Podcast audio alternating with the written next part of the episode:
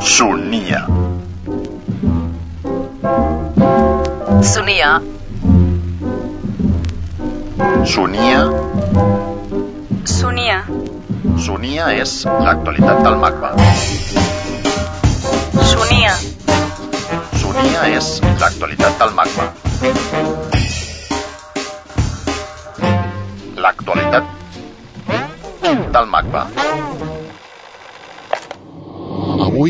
Breus notes sobre cinema, amb Joaquim Jordà. Joaquim Jordà. Joaquim Jordà. Cinema de situació ofereix diferents taules de debat al voltant de la trajectòria del cineasta. Sonia presenta alguns extractes d'aquestes sessions en els que, en primera persona, Joaquim Jordà parla de la seva manera d'entendre el cinema.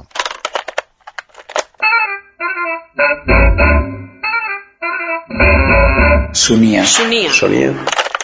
Maneres de fer cinema. Mentalment estic molt, molt, molt infantil, molt, eh, molt infantil, vull dir que em sorprenc, em sorprenc, em deixo sorprendre, eh, sóc ingenu, eh, agafo les coses així, dic les coses tal qual penso, eh, bueno, no sé. Tot això penso que ha sigut important per mi i és el que ha condicionat i està lligat amb una determinada manera de fer també cinema, que és la que estic fent actualment, que és aquesta mena de d'innocència, o d'innocència, o de culturalisme, o de... Tampoc és culturalisme, perquè en el fons el porto sobre, també, no sé. És una qüestió que no, no tinc per què esbrinar, jo, no, no em toca a mi. Sala de cinema. Tinc l'impressió de que tal com van les coses, tal com va el cinema, per exemple, eh, cada cop es determinat tipus d'experiències eh, es tancarà, es trobarà les portes tancades a lo que s'entén l'exhibició normal.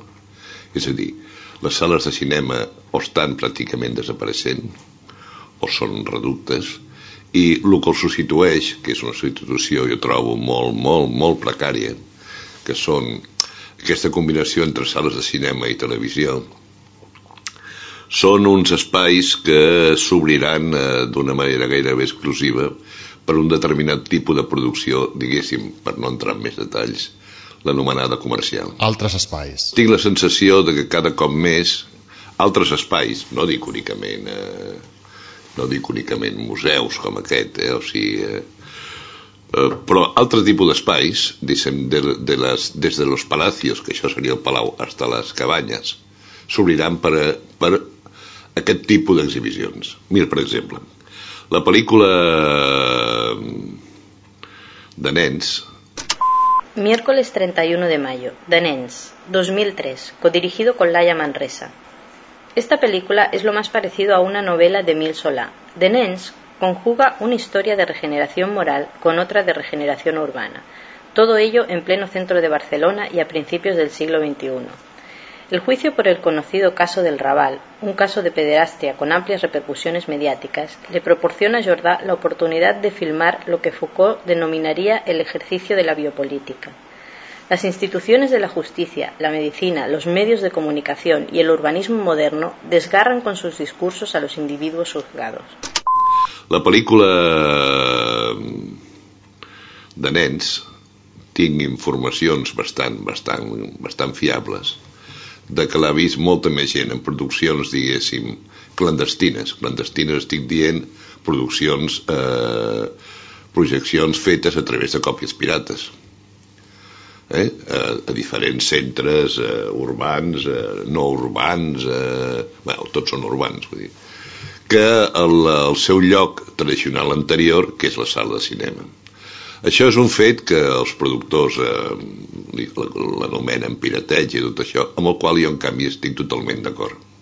És a dir, penso que és perfectament lícit fer la, la reproducció amb els mitjans que són ara molt senzills de fer i tal. Temps. Si el lloc d'exhibició deixarà de ser en certa part els llocs tradicionals com eren les sales de cinema, també es modificarà totes les capacitats de producció. És a dir, eh, pots passar les regles de contenció que abans manava la producció cinematogràfica, aquesta, aquesta exigència molt capritxosa i a vegades molt molesta, a vegades per llarga i a vegades per curta, de l'hora i mitja, es pot trencar perfectament, ja està trencada. És a dir, ara cada objecte cinematogràfic tindrà, jo penso, la durada que té que tenir.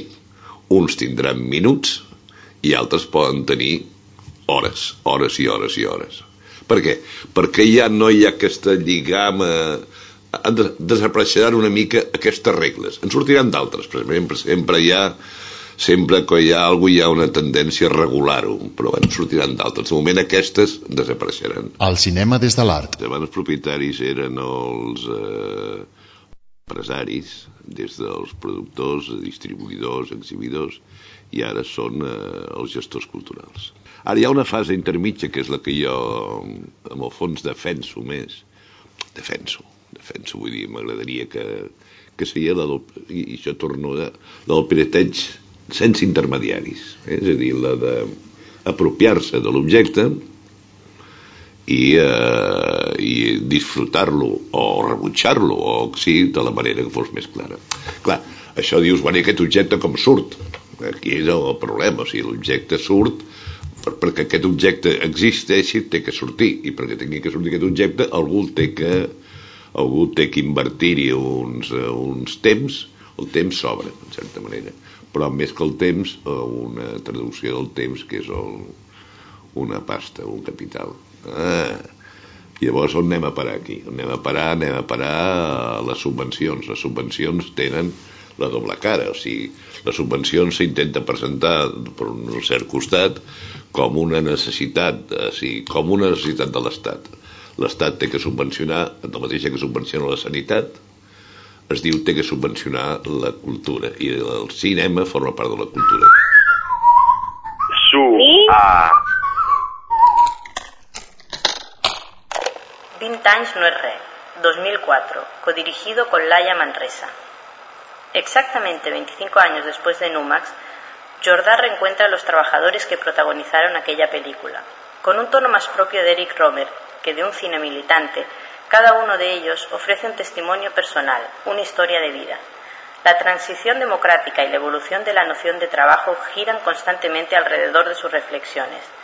Triunfo o derrota de una clase obrera que ya no existe. Juzgue quien pueda.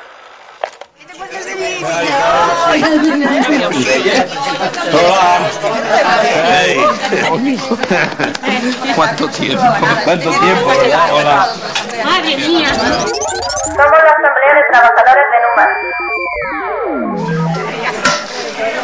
Basta recordar cuando hablábamos de las posibilidades de una privatización y en diferentes ocasiones analizamos a fondo una posible salida que era la autogestión. ¿Qué pienso hacer? Pues realmente todavía no lo sé.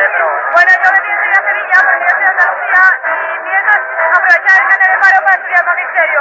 Lo que tengo muy claro y he sacado esta experiencia es que a mí no tengo que pasar hambre para que me exploten otra vez la forma que me han explotado. Yo fui una persona que estudió Derecho en función de un momento determinado y políticamente me dijeron que tú, ese camino ¿eh? tú, podía al ser, servicio de los trabajadores, no sé qué, te tienes que hacer abogado porque si no no te cogemos en el colectivo. Me hago abogado, estudio Derecho en dos años y me pongo a, a- trabajar en el despacho. No, Yo, vamos a ver, llevo 20 años compatibilizando la hostelería ¿eh? Con de la profesión.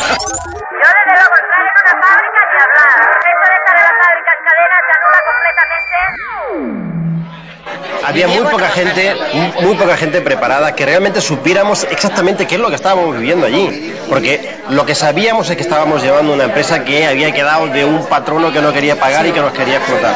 Pero no teníamos una idea real. No sé, no tengo todavía previsto lo que pienso hacer, ¿no? Algo tendré que hacer desde luego si quiero vivir. Desde luego meterme debajo de... a trabajar bajo el mando de otros patronos no lo haré nunca. Estuve seis años o siete años, primero cobrando el paro y después muy mal, o sea, con- sin saber muy bien qué hacer, ¿no? O sea, sí que me marcó, es una cosa que me marcó bastante, ¿no? No vagis pensant aquestes coses. Eh? Tinc molta feina per força perquè tinc 50 anys, però de moment no vull pensar-hi. Ha sigut molt bona l'experiència que hem tingut a Númec, a poder aguantar eh, durant dos anys tota aquesta lluita contra el capital i mira, aguanto, aguanto amb, amb, amb, amb bona cara. Numax presenta versus 20 anys no és res. Joaquim Jordà, cinema de situació. 3 v baixes, punt, magba, punt, es.